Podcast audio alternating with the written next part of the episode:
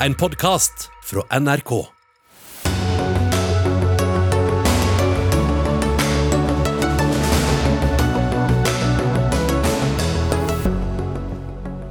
Kongen tegnet et dystert bilde i trontalen i dag. Vi spør statsministeren hvilken plan han har for å møte en tid med krig i Europa. Finanstilsynet vil gjøre det enda vanskeligere å få boliglån. Eiendomsmeglerne mener det vil ramme de yngste boligkjøperne hardest, og vil fjerne hele reguleringen.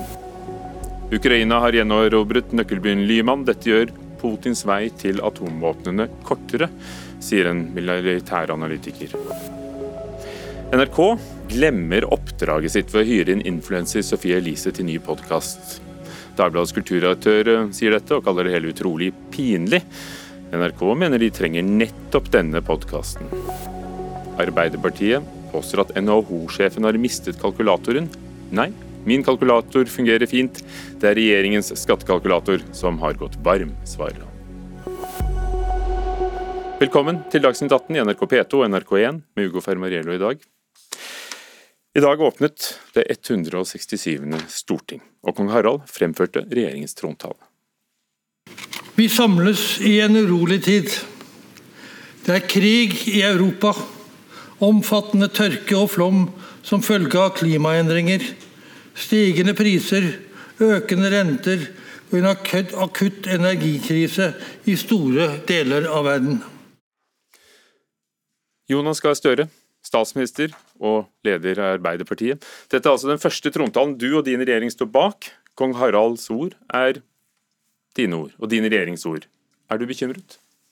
Det er en veldig alvorlig internasjonal situasjon. Det understrekte kongen i talen. Det er jo regjeringen som har skrevet denne talen. Krigen i Ukraina, ringvirkningene av den, energikrisen, det som skjer pri, av prisstigninger rundt om i verden, som jo er dramatisk for mange fattige i verden, og også slår inn i Norge, er et veldig alvorlig bakteppe. Uh, ja, det er jeg urolig for, men jeg er jo samtidig statsminister i et land med veldig store muligheter. Eh, veldig mange ville byttet med oss. Vi har et utgangspunkt til å kunne møte denne vanskelige tiden. Stå sammen.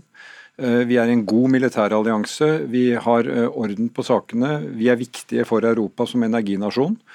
Og jeg har tro på at vi skal kunne komme godt gjennom dette hvis vi nå gjør de riktige tingene i riktig rekkefølge. Og Der lager dere en katalog i denne talen over politikk dere vil satse på, men du begynner med en tale som er usedvanlig i sin dysterhet. Vil du, vil du, forberede oss på at det er en tid hvor vi må gi avkall på noe? Det har jeg gjort en god stund, og det er jo et krevende budskap etter at vi har hatt mange år hvor det egentlig bare har pekt én vei. Vi har brukt mer oljepenger hvert år, og det har gått den veien. Men jeg tenker litt sånn på den tiden vi lever i nå, så har en av fordelene i demokratiene, hvor vi har altså autoritære naboer nå som eh, begår grove folkerettsbrudd, i demokratiene må vi bestrebe oss på å snakke sant. Og det å beskrive den situasjonen som alvorlig, som alvorstung, men at vi har en del valg vi kan ta for å komme gjennom det, det legger jeg vekt på. Jeg vet at mange av de budskapene uh, kan gjøre folk urolige, men jeg tror samtidig vi kan følge dem opp med å si at vi kan avhjelpe situasjonen, vi hjelper med strømregningen. Vi skal sørge for at ikke prisstigningen blir et problem for jobber og lommeboken for folk, så langt vi kan. Hvis vi tar de riktige valgene, som sagt, i riktig rekkefølge, fordeler rettferdig og beholder noe av det som vi har av kvaliteter i vårt samfunn. Det er veldig viktig i den tiden vi møter nå. Innen ett minutt var gått, så sa kong Harald disse ordene, altså det er krig i Europa. I Skandinavia så peker flere på at det er sabotasje som er årsaken til eh, eksplosjonen på gassrørledningen. Eh, Danmarks statsminister Mette Fredriksen fikk en ny trusselvurdering i dag og sier at de må satse på Forsvaret, nettopp å bygge opp igjen Forsvaret, at kanskje vi har forsømt oss, alle mann i Europa. Eh, når er det vi eventuelt, om vi ikke er i krig, rakettene rammer i Ukraina, men er i det som man kaller en hybridkrig?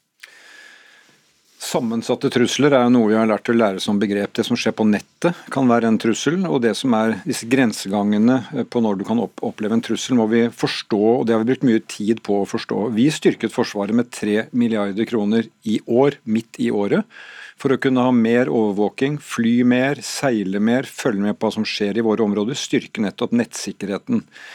Men her er jeg også opptatt av at vi må uh, være eh, faste og så må vi ha en ro. Fordi at faste betyr at vi eh, prioriterer forsvaret vårt. Vi sørger for at det er riktig innrettet. Vi har et moderne forsvar. Vi har investert over tid i veldig moderne fartøy og kapasiteter, fly osv. Vi er i en veldig sterk militær allianse. Der er vi godt plassert. Det er viktig for Norge å ha allierte, og jeg tror for de allierte er det viktig å ha eh, Norge. Men så må vi beholde den roen at eh, vi må heller ikke nå la det bli en sånn slags panikk av at verden er eh, i uro og nå kan det liksom ramle ned på alle sider. Det gjør det ikke. Vi behøver ikke se helt i verden, vi kan jo se på at eh, du mobiliserer heimevernssoldater. Ja, det... det... det er altså soldater som er mobilisert ja. på, på, norsk territorium. Vi hører om droner som, ikke, som følger oljeinstallasjoner f.eks. Altså, er vi i denne typen sammensatt trusselbilde, som noen kaller hybridkrig. Men dette vitner om at vi er forberedt. For det vi har, altså, det er en sånn eh, instruks som gjør at politiet kan i slike situasjoner få hjelp fra Forsvaret. Jeg mener det er en veldig naturlig ting når det skjer noe slik at det Heimevernet, som er litt mellom det vi kjenner som det rene forsvaret og eh, sivilsamfunnet. Vi, vi, kjenner dem igjen. De er nå og holder vakt, hjelper politiet med å holde vakt. Men det er soldater? Ja, det er det. Og det mener jeg er et riktig signal til folk at vi tar det på alvor. Jeg var på Sleipner A-plattformen i Nordsjøen på lørdag. Da lå det en kystvaktfartøy utenfor der. Det fløy et overvåkingsfly over. Men dette er jo vårt forsvar, det er jo folkets forsvar som er til for nettopp slike situasjoner. Og vi er i stand til å møte den type eh, trusler. Dronene er under full politietterforskning. Jeg kan også forsikre om at vi har tatt tiltak ute på plattformene som gjør at vi har nå mye bedre kontroll eh, med å kunne følge med på det. Men du vil ikke kalle det hybridkrig, som, som andre partiledere i opposisjonen gjør? Jeg syns vi skal tenke gjennom hvilke ord vi bruker. Sammensatte trusler, eh, at vi er utsatt for en etterretningstrussel bl.a. fra Russland, det har åpne kilder snakket om lenge. Det at vi har en forsterket beredskap nå, særlig i forhold til dette med nett og cyber, det har norske selskaper, og det må de ha. Men jeg setter ikke det ordet hybridkrig på den situasjonen vi er i. Vi skal ha høy årvåkenhet, vi skal ha beredskap, og det har vi. Vil det komme et punkt hvor, hvor det er det riktige ordet?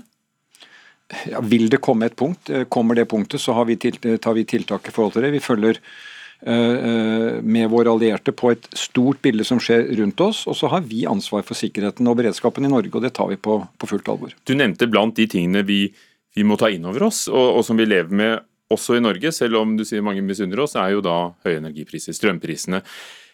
Flere opposisjonspartier på Stortinget peker på at det, det kan jo ikke bare forklare disse skyhøye energiprisene i Norge med at det er krig i Europa. Hvis vi går ett år tilbake i tid, før det var krig i Europa, før Russland begynte å bruke gassen som et våpen, da hadde vi altså normale energipriser i Norge, litt preget av at det var, tørr, at det var tørr, at litt lite nedbør. Eh, gassen kom inn som planlagt i de europeiske lagrene. Det var jo utover høsten i fjor at gasslagrene ikke ble fylt opp fordi Russland holdt igjen. Og så har de altså strupet den energieksporten. Så det er en ganske god forklaring at hadde det ikke vært krig i Ukraina, hadde det vært normale tilstander, så hadde vi ikke hatt den krisen. Så står vi nå i en stor situasjon hvor vi skal erstatte russisk gass i Europa. Norge er viktig. Vi har klart å øke våre gasseksport til Europa med over 10% Det har bidratt til at Europa kunne fylle gasslagrene sine. Og vi har en veldig nær eh, samtale med Europa nå på hvordan vi kan fortsatt bidra til å komme gjennom denne tiden. Det kommer vi til å klare. for det som jo er det store svaret nå, det er å utvikle fornybar energi fra havvind, fra sol, fra disse fornybare kildene. og Også der kan Norge spille en viktig rolle. I Norge selvfølgelig, men også i Europa. Dette er litt av en uke i politikken. Torsdag kommer statsbudsjettet. Du nevnte 3 milliarder til Forsvaret, eh, flere fly i luften, eh, flere skip på sjøen. Men, men vil Forsvaret ikke bare være budsjettvinner, som vi hørte om i dag, men vil det være nok til å kompensere for alle de økte utgiftene? Det er de jo selv bekymret over. Svaret på disse utfordringene er ikke forsvarsbevilgningene alene, men la meg, la meg, gi deg veldig kort hva som er utfordringen for oss nå. Vi har noen utgifter som ingen kan komme seg fra. Vi skal betale for strømstøtten som gjør at folk kommer gjennom dette med dyrere strøm. Vi skal betale for ukrainske flyktninger, et styrket forsvar og at vi blir flere eldre. De utgiftene må vi dekke. Og det er skatteøkningen det riktige medisinen? Nei, men Så kommer svaret. Samtidig skal vi gjøre det uten å bruke mer oljepenger. Tvert imot, vi må bruke noe mindre for ikke at inflasjonen skal bite seg fast. Derfor må vi prioritere. Det er politikkens nøkkelord.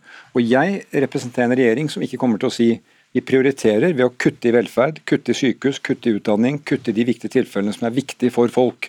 Nå må vi tilbake igjen til en kjerneverdi i vår eh, samfunnsmodell, at vi fordeler rettferdig. Og Det er mulig i vårt samfunn å si at vi kan fordele på en måte slik at de som sitter vanskelig i det, som har lønninger som er krevende, som frykter en høy gjeld hvis renta går, de stiller vi opp for. Og Det gjør vi, på dette, gjør vi dette budsjettet. De som da har mye, de må bidra noe mer. og Det tror jeg kommer til å gå veldig bra innenfor en samfunnsmodell som vi skal være stolte av. Og dette er da forklaringen for skatteøkningene. Kommer det mer enn det vi fikk vite om i forrige uke? Som... Kommer, kom budsjettet på torsdag. Jeg sier at omfordeling er et veldig viktig grep der. Måten vi eh, løser dette på er altså Statsrådene mine vil nok si at de opplever at det har vært veldig stramt. Og det har vært stramt uh, på, alle, på alle områder. men Løsningen for oss for å dekke inn disse store summene er altså ikke gjennom å kutte dypt i velferdssamfunnet vårt. Det er så viktig for at vi har folk i arbeid. Ja. Men er det, er det, SV fortsatt du skal få støtte hos, eller kan du tenke deg andre, andre politiske partnere, nå, nå, som bildet kanskje er litt annerledes enn for et år siden? da? Når det gjelder budsjett, så er det normalt for oss å gå til SV og forhandle det. Eh, så det er det vi legger opp til. Hvordan var det Jonas Gahr Støre, å, å, høre trontalen som dere avleverte for, for Slottet fremført? Kongen har vel holdt uh, en, uh, over 30 trontaler, og jeg, jeg, tror kanskje at det er et av de mest alvorstunge han har holdt. Men jeg kommer tilbake igjen det. I demokrati må vi snakke sant. Vi er ikke så veldig høytidelige i Norge, men Stortingets åpning er ganske høytidelig. Da kommer kongen, uh, og det skjer på en veldig verdig måte. og vi, vi synger nasjonalsangen i stortingssalen. Jeg, det, jeg, blir litt sånn rørt av det, for det er en flott, en flott stund. Og den talen den, den sier jo litt om hvordan vi forstår verden rundt oss. og Hvis ikke vi hadde forstått den ut fra alvor nå, så hadde vi ikke snakket sant. Og Så skal vi gjøre de rette valgene i rett rekkefølge, og så skal vi komme godt gjennom dette. Takk. Jonas Gahr Støre. Ja, Kjetil Bragli Astheim, politisk redaktør i Aftenposten. Du, du satt her i salen. Hvordan, hvordan opplevde du det? Det var en veldig kontrast til uh, trontalen for et år siden. Uh, da var det jo uh, Innledningen var at nå har vi lagt pandemien bak oss og vi har kommet oss gjennom den på en god måte. Det var, og så viste, viste, det seg jo at pandemien gjorde kom et lite ekstranummer sånn, når det nærmet seg jul. Men likevel, det var en, en mer sånn optimistisk tale, og ikke fullt av mørke skyer, sånn som den trontalen i dag var. Og så er det jo et sånn, eh, I den trontalen som ble holdt i dag, så ligger det en sånn blandet bilde. Du har krigen, som nevnes flere ganger. Du har eh, situasjonen med internasjonal økonomi, inflasjonspress, hva som skjer med renter. Og så går det jo fortsatt veldig godt i norsk økonomi, med, med mangel på arbeidskraft i, i, flere bransjer og sånt. sånn at det er en sånn det å manøvrere oppi det eh, er jo noe av utfordringen for regjeringen denne høsten. Anne Ekornholmen, politisk redaktør i Nasjonen. Er det paradokset? Det, det, går som det griner i deler av, deler av norsk økonomi. Eh, samtidig så er det dyrtid, og, og det er krig i Europa. Ja, det er et paradoks på mange måter, og det tror jeg òg er en del av den pedagogiske utfordringen som på en måte regjeringa sitter med akkurat nå, og som vi hører at de prøver å jobbe med. Nettopp det å forklare folk at det er ikke sånn at alt er som før. Eh, og det er også sånn at man kanskje faktisk må gjøre noe med egne eh, levevaner og egne prioriteringer, fordi at eh, staten ikke kan stille opp med alt, som vi jo har vært vant til litt gjennom pandemien. Det blir vanskeligere økonomisk, men da er det også regjeringa sitt ansvar selvfølgelig sørge for at de utfordringene ikke blir så ulikt fordelt, og at man som Støre sier prøver å prioritere riktig og hjelpe de som får det vanskeligst. Og hvordan tror du hvilke tegn så du i dag på hvordan vi kan eh, lese det i statsbudsjettet som kommer om noen dager? Nei, Man hører jo eh, arbeid, velferd, utvikling av hele landet og forsvar er noen fire sånne stolper som i hvert fall jeg merka meg i, i talen. Og så hører vi også at eh, både Støre og regjeringa ellers snakker om prioriteringer, ikke om satsinger. Det handler altså ikke om at noe man skal egentlig satse noe mer på. Man må rett og slett skjære eh, inn til beinet på en del ting, og velge hva som er viktigst. Alstein, hva er det viktigste du sitter igjen med? Nei, Jeg er jo spent på budsjettet. Eh, og klart I budsjettrunder i Norge de siste 20 årene så har man jo vært en taper hvis man ikke har fått mer. Og Nå er jo spørsmålet om vi er kommet til en situasjon der noen skal få mindre. Eh, så Regjeringen har jo kommet med mye skummel musikk eh, opp mot for å forberede både egne partier og befolkningen på at dette, dette blir ikke et budsjett, budsjett, sånn som vi har vært vant til. Og så gjenstår det å se hva betyr egentlig et stramt budsjett på norsk. Det, kommer det noen vonde kutt? Eh, Støre sa jo her at vi, vi, kutter ikke i velferdsstaten. Andre land har jo måttet kutte i velferd i helsetjenester når det har vært nødvendig for dem. Så hva stramt på norsk er, det får vi se på torsdag. Kan det bli politisk utfordrende å få støtte for dette budsjettet? Ja, det regner jeg jo med at det ikke bare kan bli, men at det egentlig er. Men det er klart, SV vil jo eh, som forhandlingspartner dra dette i en såkalt sosialt utjevnende retning. Eh, og det holder jo også eh, regjeringa på, at det er det dem også vil. Så spørsmålet er eh, hvilke, hvor langt man må gå for å bli enig med SV. Men det er jo der man skal begynne. Og det er jo, som Støre også har sagt, at verdiene i Hurdalsplattformen ligger jo fast, sjøl om det blir vanskeligere tider. Og da må man jo finne, finne sammen med SV på akkurat det området. Ja, for jeg prøvde jo å høre med, med, med statsministeren her, ja, om det kunne tenkes at man fikk støtte, om de fikk støtte andre steder, i og med at det er et annet bilde? I, I, utgangspunktet tenker jeg at de, de, må bli enige med SV, og SV må bli enig med, med regjeringen og regjeringspartiene. Og så er det en veldig usikker situasjon i Europa. Vi vet jo ikke hvordan situasjonen er om en måned eller to. Eh, vi har bare sett eh, i løpet av den siste uken med de gassrørene som eh, Eh, ble utsatt for sabotasje, behovet for å styrke eh, militær tilstedeværelse for å passe på norske installasjoner. Vi vet ikke hvordan denne krigen går, og hva, bring, hva denne krigsvinteren vil bringe. Nei, jeg tenker jeg hørte Forrige uke så ble det lansert ei bok som heter 'Totalforsvaret i praksis', eh, der Knut Storberget var og snakka om det, blant annet, og Han sitter jo som leder av totalforsvarskommisjonen, unnskyld, forsvarskommisjonen som regjeringa har satt ned. Og Han sa at eh, vi kommer til å bli den kommisjonen eh, etter krigen som sier at dessverre, nå er det alvor. Og det er, eh, det er, ganske dramatisk, men det sier litt om eh, de satsingene som eh, Støre gjør på Forsvaret, og, som, og totalberedskapen som blir viktig i tida framover. Der hører jeg jo også, som i trontalen det blir sagt, at distriktspolitikken fortsatt er en del av, av det regjeringa mener er viktig. Det tror jeg også er viktig for totalberedskapen og forsvaret av hele landet. Kan det bli noen vanskelige nøtter i møte med SV her? Det blir det jo helt sikkert. Eh, og så har de jo eh, noen vansker allerede med den skattepakken som kom forrige uke. Med, med sine egne også, med Oslo bl.a. Raymond Hansen som har vært ute mot den. Eh, så det blir mye vanskeligere denne høsten. Jonas Gahr Støre, ble du noe klokere? Å høre på disse kommentatorene? Ja, jeg syns det var interessant å høre. Men, men Eh, hvis, hvis, det er, og jeg tror økonomen er riktig, prioriterer er nøkkelordet. Og da blir det diskusjon. Men det mener jeg også at det tåler jo demokratiet. Vi, er, vi prøver å gjøre det vi mener er riktig. Og jeg har tro på at vi kan også få flertall for det. Vi tar den diskusjonen på torsdag. Takk skal dere ha. Jonas Gahr Støre, Anne Ekornholmen fra Nasjonen og Kjetil Bragli Astheim fra Aftenposten.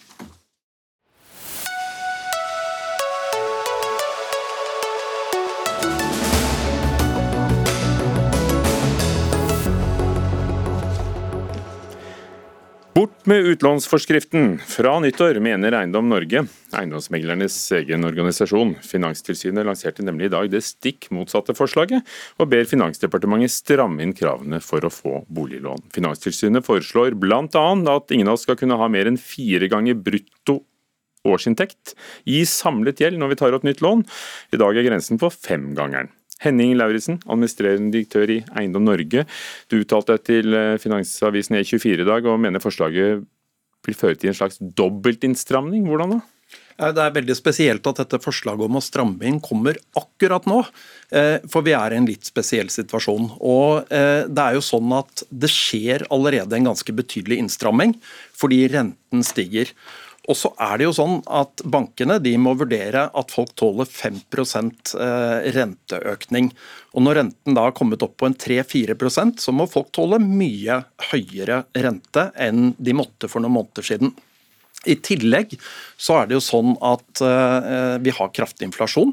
Og Det gjør at når bankene skal vurdere hvor mye lån folk tåler, så må de ta hensyn til at husholdningen har større utgifter. Og Samlet sett så betyr dette at allerede så er det færre som får lån, og de får mindre lån enn tidligere. Og Da kan man si kanskje disse reglene ordner det. Morten Baltzersen, direktør i Finanstilsynet. Ja, dere vil stramme inn likevel, selv om boligprisene spås å gå ned. Obos-prisen har gått ned 3,1 nå i det siste. Kanskje først for å korrigere framstillingen av forslaget. Det vi foreslår at gjeldsgraden, altså samlet gjeld eh, som andel av inntekten, eh, settes ned fra fem til fire og en halv ganger bruttoinntekt. Ja. Så det var det jeg sa, men eh, i hvert fall nå er det i hvert fall klart. Det, nå er det klart. Det er noe, noe strammere enn det vi har i dag. Vi har jo i utgangspunktet høy husholdningsgjeld i Norge og høye boligpriser. Og vi ser at det er mange husholdninger som tar opp store lån fortsatt. Det viser vår siste utlånsundersøkelse. Og Dette innebærer jo en risiko både for den enkelte låntaker, for bankene som låner ut disse pengene, og for hele det finansielle systemet. Og denne Reguleringens eh, formål er å bidra til finansiell stabilitet gjennom å forebygge gjeldsproblemer hos eh, husholdninger. Og Med det utgangspunktet vi har, så mener vi som vi gjorde for to år siden også, mener vi det er riktig å stramme noe inn. Nå er det slik at eh, Dette er jo et inngripende virkemiddel. Altså Bankene jo... tar jo denne risikoen med, med, åpne øyne, og mener vel at kundene deres er i stand til å ta denne risikoen selv? da? Mener Men... du at de, de tar seg vann over hodet alle sammen her? Eh, det er jo en grunn til at vi har slike reguleringer. og Både vi har erfart, og andre land har jo erfart, at selv om det framstår som Eh, rimelig sikkert for den enkelte bank, så er ikke sikkert systemet som sådan klarer å bære det. Hvis vi skulle få eh, store bevegelser i markedene eller store endringer. Det erfarte vi jo for 30 år siden, bl.a. i Norge, og andre land har erfart det siden. Så det er, selv om vi nå har hatt mange år med lavt mislighold eh, på, på boliglån, så har vi også hatt mange år med bare stigende boligpriser. De har økt mye over mange år, og renta har vært lave lenge. Men dersom vi skulle få en annen utvikling med boligpriskrakk, kraftig renteoppgang og tilbakeslag i økonomien, som ikke er noe vi spår, eh, men som kan eh, inntreffe, Eh, da vil det forebygge problemer både for den enkelte og for det finansielle systemet med den type regulering som vi har, og som vi foreslår å stramme noe inn. Henning Lauritzen, når du hører dette, eh, finansiell stabilitet, eh, hva kan være så galt?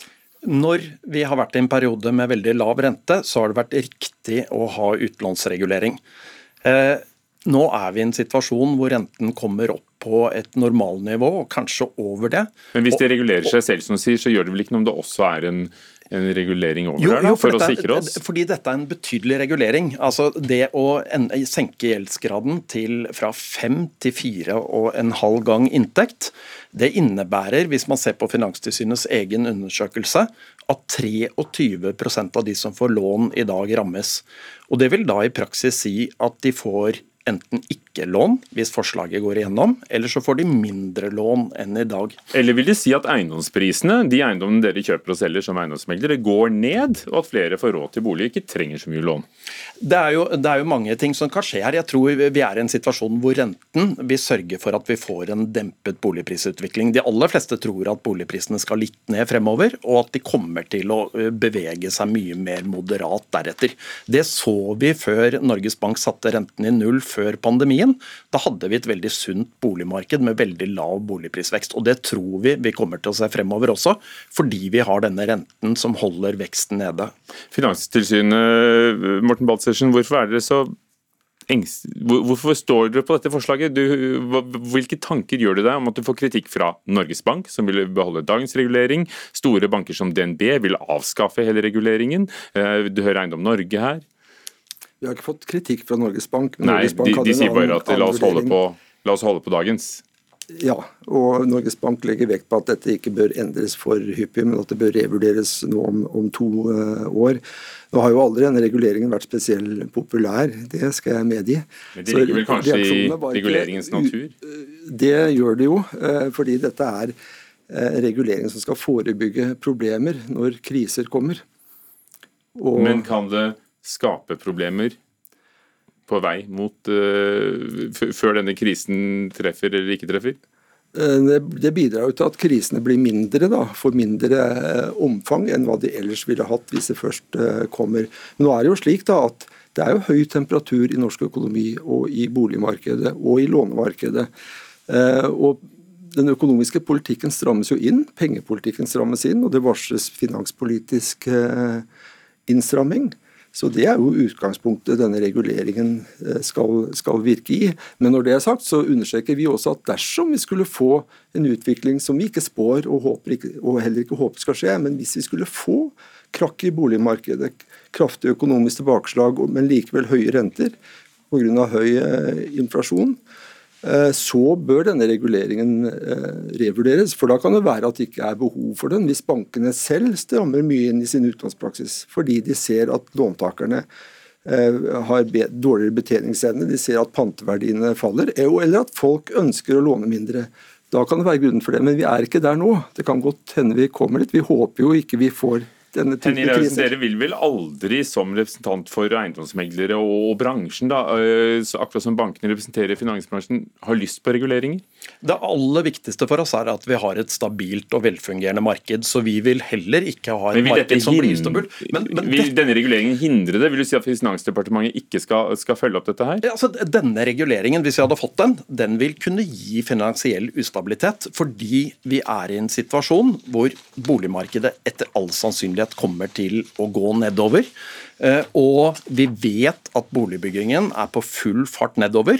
Og hvis man da strammer til bankenes muligheter til å gi lån, så kan man forsterke den effekten. Og da vil man i verste fall få det motsatte av det Finanstilsynet orker. Hva, hva beslutningen blir. Foreløpig står dagens regulering eh, i to år til, men nå får vi se hva, hva det blir. Takk skal dere ha, begge to. Henning Lauritzen i Eiendom Norge, Morten Balsersen, direktør i Finanstilsynet.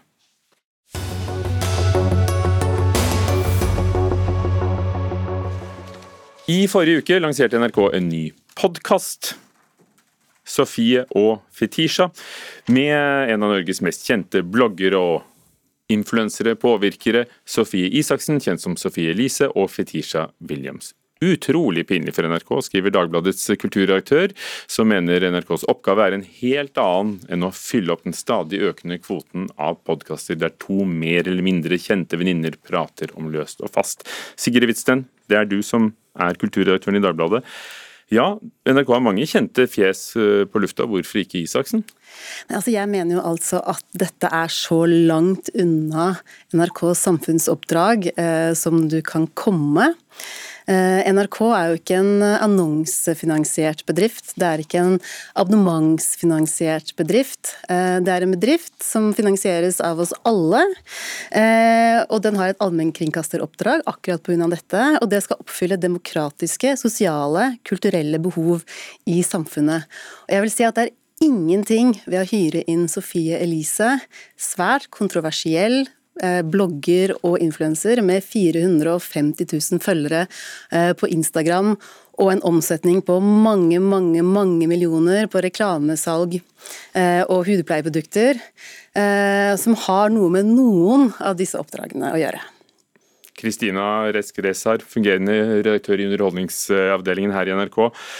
Ja, Sofie Elise, Sofie Isaksen sier til kampanjen at hun er ekstra stolt over å ha fått NRK med på laget. Hvorfor ville dere ha henne med på laget? Først så bare tenker jeg at det, Vi tenker jo at det er misforståelse. NRK ikke skal lage populære og brede programmer. Fordi Vi er en allmennkringkaster til til for alle, og innholdet vårt får jo størst verdi når det møter publikum. Eh, og det å lage god underholdning, eh, det er også en viktig del av det store og veldig sammensatte oppdraget vi har. Og så håper vi jo at folk eh, opplever at liksom humor- i underholdningstilbudet vårt eh, har høy verdi og kvalitet. Og så skjønner vi at enkelte reagerer, eh, og det var jo ikke uventet at det kom til å bli noen reaksjoner. fordi kombinasjonen NRK og Sofie Elise tenker jeg at det ikke var så opp i dagen, da. Men for de som ikke har hørt innom dette her, eller fått det med seg på noen måte, hva, hva er det da? Er det, er det underholdning? Er det, eh, hva er Sofie og Fetisha? Nei, altså jeg tenker at Podkasten er ment å være underholdende og berøre mange temaer som unge er opptatt av. Eh, og de unge som vi i NRK også er til for. Og så tenker vi at Sofie Elise og Fetisha syns de har gjort et godt håndverk når de har laget podkasten. Og så jobber jo vi redaksjonelt eh, med dem, sånn som vi gjør med alle andre podkaster. Og vi har hatt flere runder med utvikling og, og piloter. Og her hos oss så får jo de Dette er jo ikke en innkjøpt eh, podkast, så her får de et redaksjonelt miljø som vi tenker kan liksom guide og utvikle dem i, i riktig retning. Du skriver Wittsten, at uh, nå er det jo blanding av krig og Klondyke i, i podkastverdenen, hvor private aktører, Schibsted av dem, har, har kjøpt opp da, kjente navn fra NRK. Og nå har da NRK fått eh, et annet kjent navn, eller kjøpt et annet kjent navn. Eh, skal ikke NRK være med i denne krigen? Altså NRK er jo i stor grad med i denne krigen. Hvis du ser på Podtoppen nå, som viser hva som er de mest populære podkastene i Norge, eh, så har NRK 15 15 av de 25 på toppen. Så jeg kan ikke si at NRK ikke er med i denne krigen. Der NRK har et problem, er jo fordi at de nettopp har mistet alle de store underholdningsprofilene sine til eh, Skipsted og Podme-satsingen deres, som har kastet vanvittig mye penger på tidligere NRK-profiler, eh, som NRK ikke har hatt mulighet til å matche, og det skal de heller ikke. Eh, men jeg tenker at NRKs oppdrag er jo ikke å fylle et behov som allerede er fylt. NRKs, altså Sofie Elise har du allerede i alle kanaler. Du har henne på Instagram, du har hatt henne på podkast, du har henne på VG, Dagbladet, Nettavisen, hvor som helst. Dette er ikke stemmer som skal løftes fram på nytt og som skal gi oss noe nytt og spennende. Dette er stemmer som vi i stor grad har hatt i 10-15 år allerede. Så du vil at vi skal være mer Klondyke, finne mer gull? Jeg vil at dere skal være mer Klondyke og bygge opp profiler som ikke også har en kjempebusiness på Instagram ved siden av. Og jeg tenker at dette viser litt men, men la, oss, ja, la oss ta det, det poenget. Er det, er det, et tankekors uh, for dere i Underholdningsavdelingen her i NRK at, uh, at her snakker vi om navn som selvfølgelig allerede er etablerte, også med en veldig kommersiell side? Ja, altså jeg tenker Det ene utelukker det, ikke det andre. Vi kan ha store navn og vi kan bygge opp helt. Vi har jo mange ferske som Amalie Mathea, vi har Høra-jentene, vi har Hani. Vi bygger jo opp mange unge, hvis vi er nå på jentesiden, da, så bygger vi opp mange nye unge. Og det er jo ikke et problem at Sofie Elise Det er ikke sånn at når vi tar inn henne, så skyver vi noen andre ut. Vi, vi greier å gjøre begge deler. Men er det et problem at hun også har vært kjent uh, som mange andre i, i den bloggosfæren uh, og influenserverdenen for å å ha en veldig kommersiell virksomhet også? Det er jo en av grunnene til at vi har henne inn. Altså hun, Hennes bakgrunn er, er jo MENA. Hun er kjent for det. Så jeg tenker at Det vi har snakket med henne om, er hva skal hun gjøre i NRK, som ikke er det. Og Vi har gått opp jeg tror, veldig sånn tydelige eh, grenseoppganger med henne. Helt fra starten, vi har jobbet mye med henne, så har vi vært sånn Hva er det vi vil med NRK? Jo, vi ønsker å nå jenter med å snakke om eh, sex, vennskap, kjærlighet, rus. Eh, de tingene som Det er mange som har pratepodkaster, men det er ikke så mange som snakker om temaer sånn som de gjør. Eh, så det syns jeg er fint. Jeg synes at NRK utviser en ganske stor naivitet da, i møte med Sofie Elise. Altså, det er som NRK tror at NRK er den eneste kringkasteren der ute, men det er jo så utrolig mange plattformer. Og det dere gjør da, når dere eh, profilerer Sofie Elise og bruker på en måte all NRKs legitimitet og troverdighet til å bygge opp henne som profil, så driver dere nesten også indirekte med måte sponsing av alle hennes andre kanaler, som på Instagram. Nei, altså Hun har en kjempestor Instagram-konto. Det er ikke sånn at de opererer helt uh, i to forskjellige verdener. Én profil er én profil, ikke sant? og alt bygger opp rundt uh, under henne. Så hvem har mest altså, å tjene på dette, da? NRK eller, eller, eller Isaksen? Jeg vil si at det er Isaksen som har mest uh, å tjene på det, for at hun får legitimitet og troverdighet og bygges opp av NRK. Og så syns jeg NRK uh, kanskje får en del uh, klikk da, på podkastene sine, men hvis det er bare for å fylle en kvote av unge jenter, så tenker jeg at NRK viser at de har et ganske stort problem og må tenke nytt. Ja, men I det mangfoldet NRK har, så tenker jeg det også skal være plass til profiler som Sofie Elise og Fetisha. Uh, og jeg tenker at den eh, kommersielle biten av henne, det er ganske tydelige grenseoppganger. Vi har et, et tett forhold til dem med hvordan vi jobber, og det er veldig mange profiler nå som har står på flere bein. Og så som du sier at vi er på, på toppen, men det er også fordi Skipsted har jo ikke sine inne, så det er jo flere aktører, men som ikke syns. Men ser du Sigrid Wissen poenget med at hun når noen nye lyttere. Eh, de når noen nye lyttere med å snakke om seksualitet, med å snakke om pillemisbruk, som var noe hun fikk mye oppslag for, for som de gjorde også i andre steder i NRK i, i første episode. Jeg ser absolutt verdien av pillemisbruk-podkasten. Eh, den var sterk og viktig. Du har hørt på? Jeg har hørt på den, selvfølgelig. Og, men det er ikke det som er Sofie Elise og Fetishas podkast. Sofie Elise og Fetishas podkast er en inne på venninnerommet, snakke litt, her er det ros og her er det gøy, her er det gossip. Jeg tenker er det én ting vi ikke trenger fra NRK, så er det gossip. Det kan du få alle andre steder. Men jeg tenker jo at nå får se hvordan disse ukene går fremover, så jeg tenker jo at følg med, så kanskje det også kommer til å bli gledelig overrasket. Ikke bare slaver. Takk skal dere ha. Kristina Resk Reza, redaksjonssjef, fungerende redaktør i Underholdningsavdelingen i NRK. Sigrid Wisten, kulturredaktør i Dagbladet.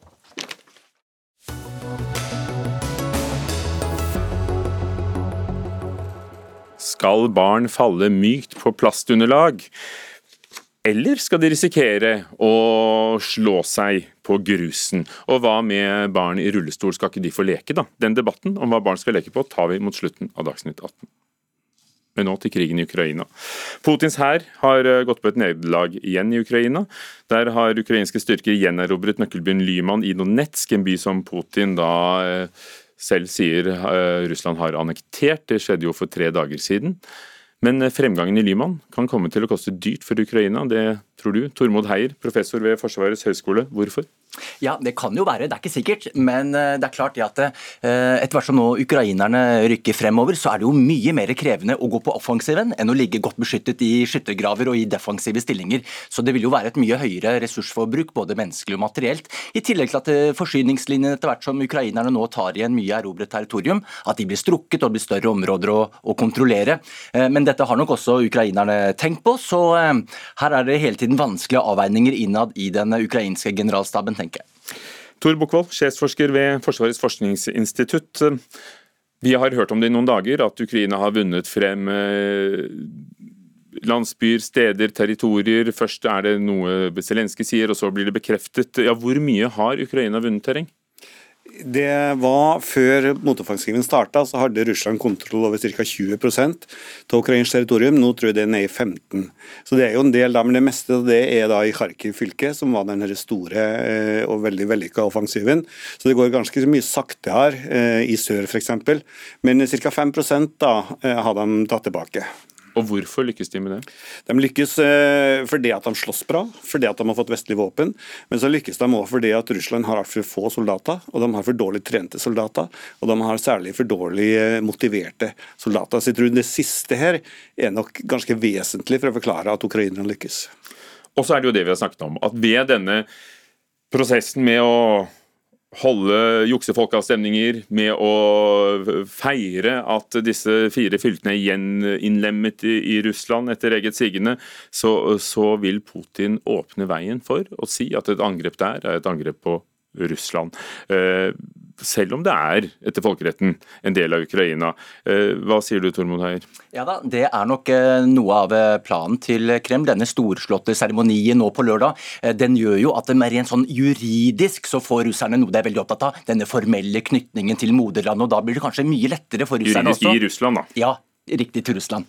Og Da blir det kanskje lettere også for, eh, for myndighetene å gjøre nokså kontroversielle beslutninger som berører større deler av sivilsamfunnet, nemlig å kunne gjennomføre ytterligere mobiliseringer, hvor man også for kan sende vernepliktige inn til de nye delene av Russland, og utnytte mye mer effektivt også de menneskelige og materielle ressursene som ligger i disse nyannekterte områdene, som da, eh, sett med russiske øyne, er en del av eh, Russland. og ja, det er nok eh, noe russerne er opptatt av, denne formaliteten rundt sånne juridiske eh, beslutninger. Bokvold, hvordan tror du at, eh, at Kreml Putin vil utnytte dette internt? Jeg tror det er, først så tror jeg det er bedre internt. Jeg tror det hadde også med å gjøre at det antagelig er en del panikk i disse områdene, særlig blant dem som har samarbeidet med russerne, når de ser den ukrainske framgangen. Så det var nok litt, tror jeg, for å roe ned dem. Også, men så ville, bruke, ville, han bruke det sånn som uh, Tormod sa, til å, å begrunne da, sin krigføring der. Men, og, og det her har nok mest å gjøre med det at det er vanskelig for Putin, som har, da står bak en krig der man har tapt så uendelig mye folk, og, ikke, og ender opp med ikke ha noe å vise til, altså at det var verdt det. Så jeg tror mye av den tankegangen det ligger bak dette her. Men samtidig så skjønner han nok at det, det vil ikke endre noe på krigens gang, i den forstand at verken Vesten eller, eller Ukraina vil akseptere denne annekteringen. Men så er det jo det spørsmålet som de vi vel mange stiller oss. Betyr det at det blir lettere for uh, for Putin å bruke atomvåpen?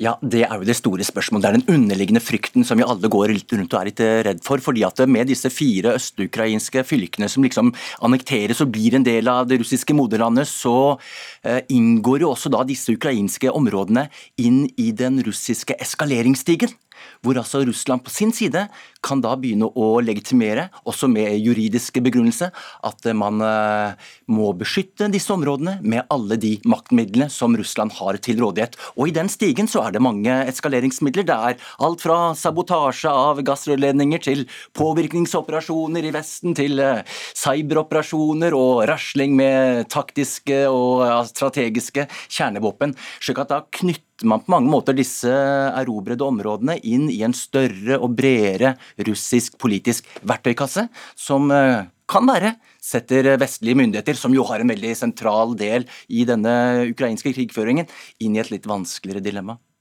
Hva sier du, Bukkvold, til det spørsmålet? Ja, altså jeg tror Det er nok ikke nødvendigvis sånn at uh, de gjør det lettere. i hvert fall tror ikke det er sånn at Putin på en måte ønsker uh, å bruke taktiske atomvåpen og på en måte lete etter en mulighet til det. For det er men, det vi vil vite? Ja, nei, det, det, Sånn er det ikke. Men man kan ikke utelukke at i desperasjon Eh, hvis ingenting annet går, at han vurderer å kanskje til og med bruke det. Det, det kan vi ikke utelukke. Men det er heller ikke noe sånn eh, vidundermiddel for å oppnå det Russland vil. Da, for det er voldsomme kostnader med å bruke og taktiske atomvåpen. Både militært, eh, finansielt og politisk. Og det er rett og slett et spørsmål om ikke nyttig militært er på bakken. Altså. Hvis det er Eh, hvis det er snakk om å slå ut ukrainske troppekonsentrasjoner f.eks., så, så kan du kanskje få til det hvis Ukraina har konsentrasjoner der, men samtidig da, så vil det jo et problem for de russiske styrkene som slåss på samme teigen. Og Når du sier styrkene, hvordan, hvordan vil det slå ut det at eh, det er en delvis mobilisering? Det kommer en, en mengde flere soldater som eh, virker som, på det vi hører, overhodet ikke er motiverte og i hvert fall ikke trent? Nei da, det er jo... Et eh, desperat forsøk, slik jeg ser det. fordi jeg tror ikke det nytter, sett med russiske øyne, å tilføre stridsområdet flere mobiliserte soldater, fordi de fører krig på en måte som Ukraina og vi i Vesten forlot for flere generasjoner siden. Ja, det, her det er, veldig, det er veldig viktig. Det er måten man fører krig på. det Ukrainerne var helt avhengig av vestlige våpen, men i tillegg så slåss de mye smartere enn det russerne gjør, og det er nesten like viktig. Nå kommer det jo flere vestlige våpen. Eh, Norge har vært med på, på å kjøpe inn noe nytt. Vil det slå, få en effekt? Ja, det gjør det. Det har fått stor effekt allerede. Det er helt avgjørende, og det vil ha få mer effekt. Men kan Putins hær reise seg? Ja, Det er det som er noe poenget. ikke sant? Ukraina slåss jo her mot verdens største land med 17 millioner kvadratkilometer, som har enorme naturressurser og menneskelige og materielle ressurser.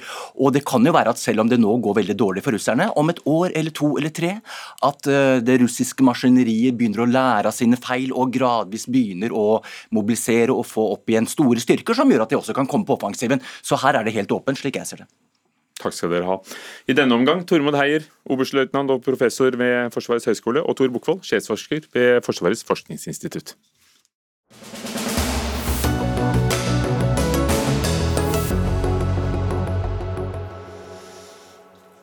NHO-sjefen har mistet kalkulatoren sin. Dette var Rigmor Aasruds ord i VG denne helgen. Hun er parlamentarisk leder i Arbeiderpartiet. Bakgrunnen er selvsagt det forslaget vi fikk presentert i forrige uke om eh, at regjeringen vil øke statens inntekter med rundt 33 milliarder kroner årlig med å skattlegge oppdrettsnæringen og kraftbransjen. Næringslivets hovedorganisasjon eh, svarte på dette med å si at vi trenger skattekutt, ikke skatteøkninger. Og Derfor kom denne beskyldningen. Ole Erik Almlid, administrerende direktør i NHO. Ja, har du mistet kalkulatoren? Nei, overhodet ikke. Og jeg er jo veldig bekymra over at regjeringen nå bruker private bedrifter, arbeidsplasser, private eiere som en salderingspost på statsbudsjettet, når de da isteden burde ha brukt mye tid sammen med oss for å se hvordan man kan effektivisere offentlig sektor, og hvordan man kan se på offentlig pengebruk. Så vi, De har ikke snudd hver en sten, mener du? Nei, Det får vi jo se. Nå kommer jo budsjettet først på torsdag, men vi syns det virker veldig besynderlig at man da går så til, hardt til angrep på private bedrifter og private arbeidsplasser. 33 milliarder kroner i skatteregning. Så jeg håper at de er like aktive i å se hvordan man kan effektivisere offentlig sektor, som de nå er på å hente penger ifra et eh, næringsliv som faktisk da går en bråstopp i møte. For det vi ser nå fra medlemmene våre, er at man faktisk da går en bråstopp i møte på en økonomi som kommer til å være veldig prega og at Europa er i krig. Så da trenger vi ikke denne regningen til private bedrifter. Eigil Knutsen, leder for finanskomiteen på Stortinget, eh, der du sitter for Arbeiderpartiet. Ja, Fantes det ingen vei utenom? Kunne dere ikke effektivisert mer? Skal eh, private over natten få denne skattebyrden? Jo, Prioriteringer blir jo nøkkelordet for eh, budsjettet som kommer eh, på torsdag. Eh, norske politikere har de siste tidene sluppet å prioritere. Nå er vi inne i en tid hvor vi må prioritere kraftig.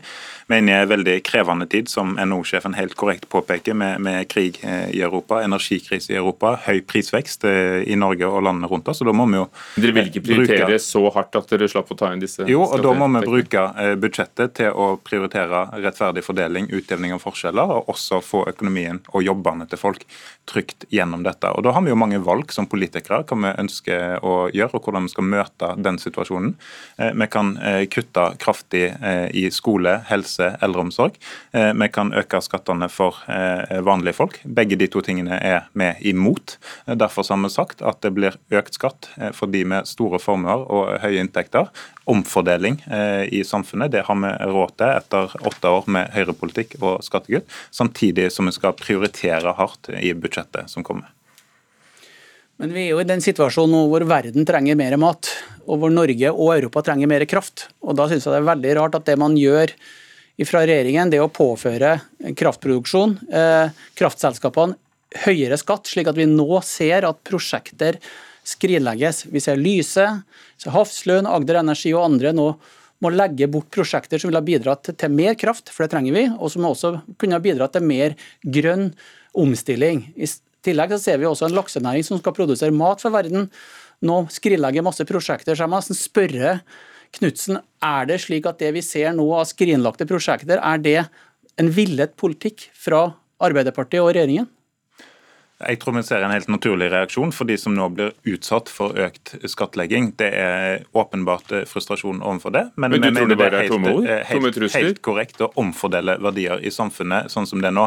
Eh, tror du, tror, tror, du, tror du Knudsen, at de kommer to, to, tomme trusler? Trusler, altså Lerøy, sjømatgiganten, sier i dag at de kutter ut et kjøp for 123 millioner kroner. Lyse skrinlegger 5 milliarder investeringer.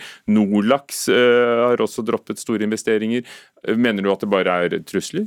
I forkant av budsjettet? Jeg, tror disse selskapene kommer til å regne på nytt også. og Så tror jeg ikke kraftselskapene kan regne med dagens kraftpriser langt inn i framtida i prosjektene sine. Og jeg tror også laksenæringen har god råd til å betale den eh, skatten som regjeringen har foreslått. Altså Bare de største selskapene i eh, laksenæringen tok ut dobbelt så mye utbytte bare i fjor eh, som det regjeringen foreslår i økt skatt for den næringen. Så det er nok av ressurser å fordele i Norge, men vi må sørge for, når vi er i krevende tider som nå, og vi må prioritere kraft kraftigere. At det ikke er vanlige folk, ikke er velferden som må eh, kuttes. Det er de som sitter på toppen med de største formuene, som har råd til å betale mer skatt enn i dag. Eh, og det er det vi har eh, gått i gang med nå, dette første året. Det var det du sa. Tror du det andre steder at de kunne kuttet i budsjettet, fremfor å hente penger, hente penger her? Det får vi jo se når budsjettet kommer på torsdag. Vi kan gjerne komme hit og diskutere det da, men Men antyder du at det kanskje ikke vil lønne seg med disse skattene, hvis det er sånn at investeringen og produktiviteten går ned? Nei, Jeg tror virkelig at selskapene mener alvor når de sier at de må skrinlegge prosjektet både på kraftsiden og hos lakse, eh, lakse eller oppdretterne og havbruksselskapene. Så jeg tror at vi må se dette i en lengre perspektiv enn bare ett år. Vi skal ha tunge tider eh, neste år, dessverre. Det er krigsøkonomi i Europa, som noen politikere bruker som uttrykk. Vi ser at det blir bråstopp, og da trenger vi investeringer for å sikre arbeidsplasser i hele landet, sikre bedrifter i hele landet. Og det da å gå til det verket med 33 milliarder kroner i ekstra skatteregning er å legge om hele skattepolitikken uten engang å være i dialog med næringen. Det syns jeg er leit. Og jeg tror dessverre at det blir verre på torsdag, når det kommer ytterligere skatte- og avgiftsøkninger fra regjeringen. Så vi må se det på lang sikt. Vi må skape arbeidsplasser, vi må skape det grønne skiftet. Vi må sikre at private eiere rundt omkring i Norge har gode vilkår for å drive bedrifter og lokalsamfunn. Dere kunne jo f.eks. kuttet i den omstridte oljeskattepakken eller et eller annet. Ja, men Nå øker altså stat, eh, utgiftene på statsbudsjettet bare på utvalgte poster med 100 milliarder kroner allerede neste år. Eh, oljepengebruken skal ned, bl.a. for å sikre konkurransekraften til noen av Almli sine medlemmer. Eh, samtidig som ønsker jo NHO eh, stadig flere utgifter på samferdsel, strømstøtte til bedrifter og noe. Men, gjør men hvordan, hvordan skal vi da løse dette? Skal vi kutte i skole? Skal vi kutte i helse? Skal vi kutte i eldreomsorg? Det er jo derfor vi sier at NHO må ha mista kalkulatoren meg at næringene sier at de vil skrinlegge investeringer, og da vil jo også produktiviteten og lønnsomheten og skatteprovenyen gå ned. Ja, når en omfordeler ressurser i et samfunn, så vil det alltid bli bråk. Det er kamp. Eh, sånn er det med statsbudsjettet. Vi mener at det er behov for å redusere forskjellene i Norge. Spørsmålet er jo hvor NHO vil kutte i offentlig sektor for å få til eh, sitt eh, skatteopplegg. Det må hvor jo kuttes kraftig i skole ja, det, eller velferden. Det skal komme tilbake til. Jeg tror at det er stort potensial for å kutte i offentlig sektor. Jeg synes at regjeringen og NHO skal sette seg ned sammen og se hvordan vi skal gjøre det. Så skal vi ikke begynne det arbeidet med å sende en ekstra regning til bedriftene akkurat på det tidspunktet hvor de trenger aller mest å støtte opp om private bedrifter og støtte opp om private arbeidsplasser. Og nå går vi en ganske tøff tid i møte. Da syns jeg det er en veldig dårlig melding fra regjeringen å si at du skattlegger de private arbeidsplassene rundt omkring i Norge. Så får vi se hvordan det blir. Det ser ut til at det kan bli sånn. Eh, og noen offentlige. Det er jo mange offentlige kraftprodusenter òg, som eh, kommunene må gi penger til staten isteden. Takk skal dere ha. Eigil Knutsen, leder av finanskomiteen fra Arbeiderpartiet. Ole Erik Almli, administrerende direktør i NHO.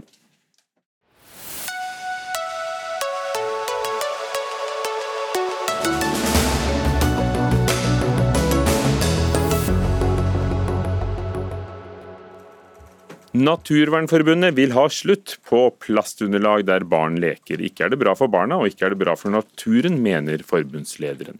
Det er usikkert hvor mange barnehager i Norge som bruker ja, vi kaller det gummidekke, men det er vel egentlig plast. Men en undersøkelse fra Private barnehagers landsforbund viser at seks av ti private barnehager bruker gummi på lekeplassen, og de kommer i offentlige parker og på skoler også.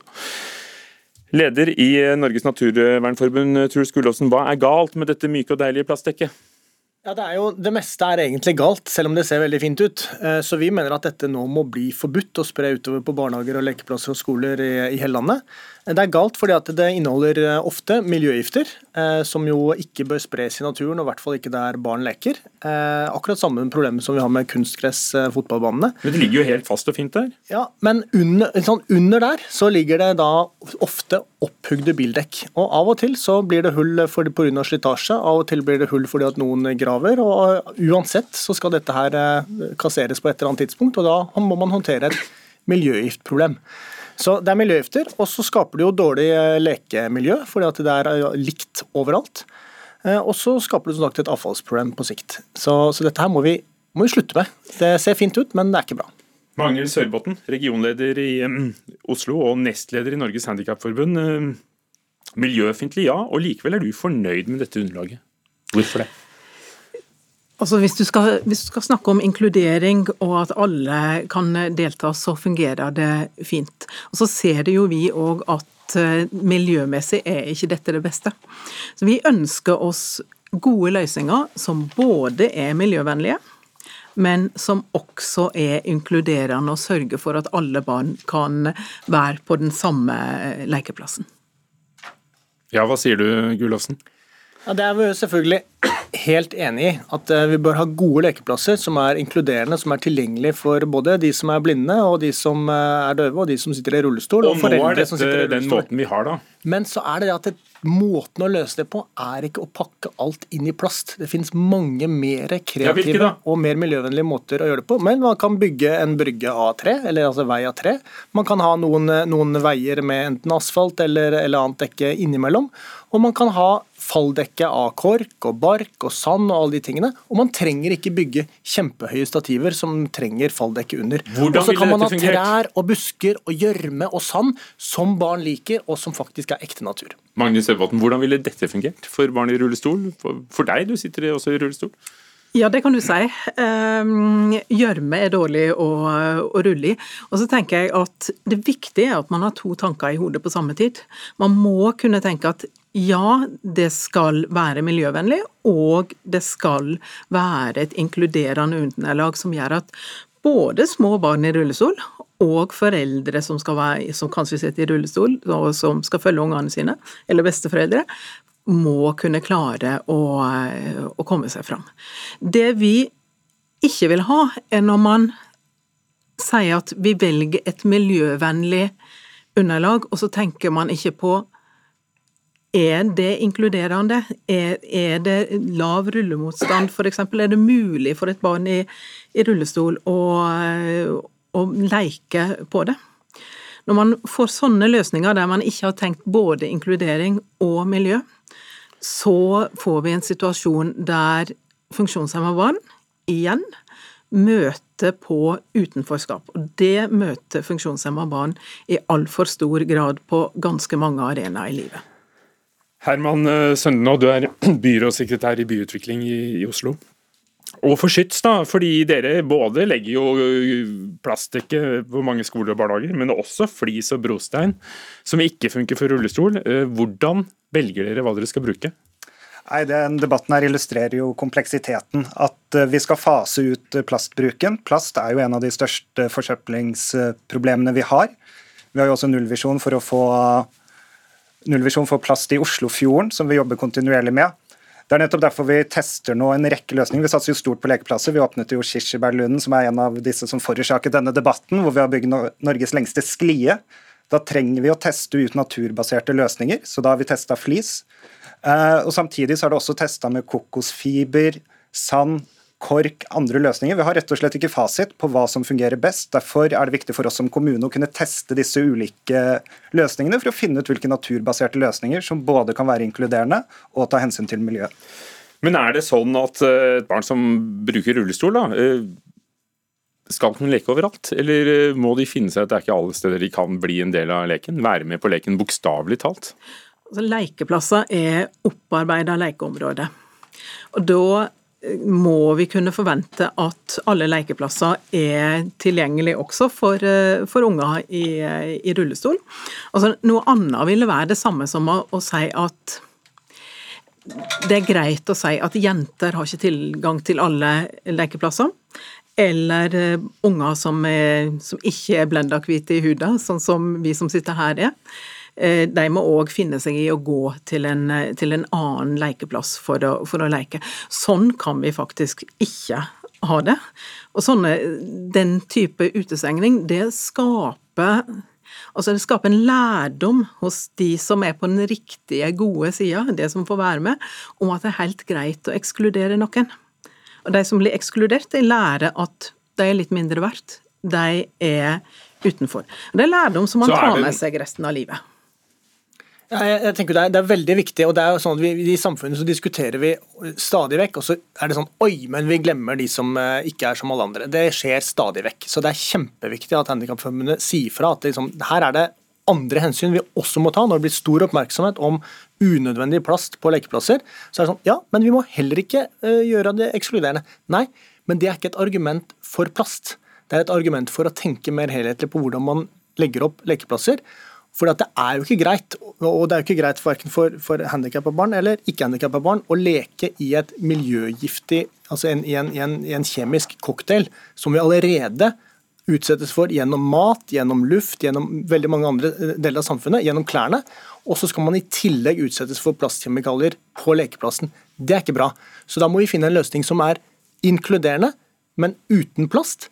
Og det går an. Det har verden klart i mange mange år bakover, Sønne, og vi klarer det framover. Hvor langt unna er, er, vi, da, dere som sitter som kommune, i dette tilfellet Oslo, og skal, skal, skal, skal, velge materiale? Mange steder så må de jo da, hva du kalte barna leker på en kjemisk cocktail? Ja, altså, noe tidsfrist har vi ikke. Nå skal vi prøve ut disse prosjektene over et par år, hvor Bymiljøetaten har forskningsprosjekt på det, rett og slett for å finne ut fordeler og ulemper. Og Da er det ikke bare miljøaspektet, men det er også det inkluderende, både på det sosiale, men også for tilretteleggingen for alle brukere. Og Det er nettopp derfor disse tilbakemeldingene fra brukerorganisasjonene er så viktige. For vi vet jo også at liksom de lykkeligste kvadratmeterne i byen vår er der barna leker. Så vi skal fortsette å satse stort på å bygge disse lekeplassene. Men eh, vi tar absolutt med oss innspillene fra brukerorganisasjonene videre i det arbeidet. Men, men plastikkunderlag er greit foreløpig også, selv om det kan være farlig? Det kommer med en rekke dilemmaer når vi skal legge til rette for hva slags type lek for eksempel, det er på disse ulike plassene. Det kommer med fallhøyde. Vi har en rekke forskrifter vi må følge for å ivareta sikkerheten. for er, Hvis noen skader seg, så er det også som kommune som står til ansvar. Så dette er en rekke avveininger vi må ta, men vi jobber stadig mer med mer naturbaserte løsninger, og det vil man også se mer av i fremtiden. For, for, for jeg, jeg, sa at det kan være farlig, men, men eh, jeg vet jo overhodet ikke egentlig selv. Men eh, det er jo tillatt, det gjør ikke noe forbudt, herr Gullåsen? Nei, det er, det er, det som er litt av problemet. at Det gjør jo ikke noe forbudt. Det er tillatt og det blir på en måte oppmuntret å pakke lekeplassene inn i plast. og Det er jo det vi vil snu. Vi vil at det skal være motsatt. At det skal være en særlig grunn. Hvis du skal pakke inn noe som helst i plast, så skal det være en særlig grunn, ikke en standard. For det vi har sett nå, er at dette her sprer seg som løsningen overalt. Og de lykkeligste kvadratmeterne på lekeplassene, det viser seg jo som de viste fra Bergen, det er jo der hvor det er litt grønt. For dit går barna. Sånn at vi har jo bomma både miljømessig og oppvekstmessig når vi eh, tapetserer barnehagene med plast. Magnus Sørbotn, eh, er det blitt bedre? Ja, altså eh, lekeplasser er blitt eh, mer tilgjengelige enn det de var. Og så, så diskuterer vi her hva er de lykkeligste plassene. Men, men, jeg tenker jo at de lykkeligste plassene er der unger får lov å leke sammen uten at noen står på utsida og ser på at de andre leker sammen. Takk for at dere lekte med oss i disse lykkelige minuttene i Dagsnytt 18. Magnhild eh, Sørbotn, eh, Herman Søndenå og Truls Gullåsen, dette var Dagsnytt 18. Eh, Lisbeth Kjellereite var teknisk ansvarlig, Anne Katrine Følje ansvarlig for det hele, Ugo Fermarello programleder. Du har hørt en podkast fra NRK. Hør flere podkaster og din favorittkanal i appen NRK Radio.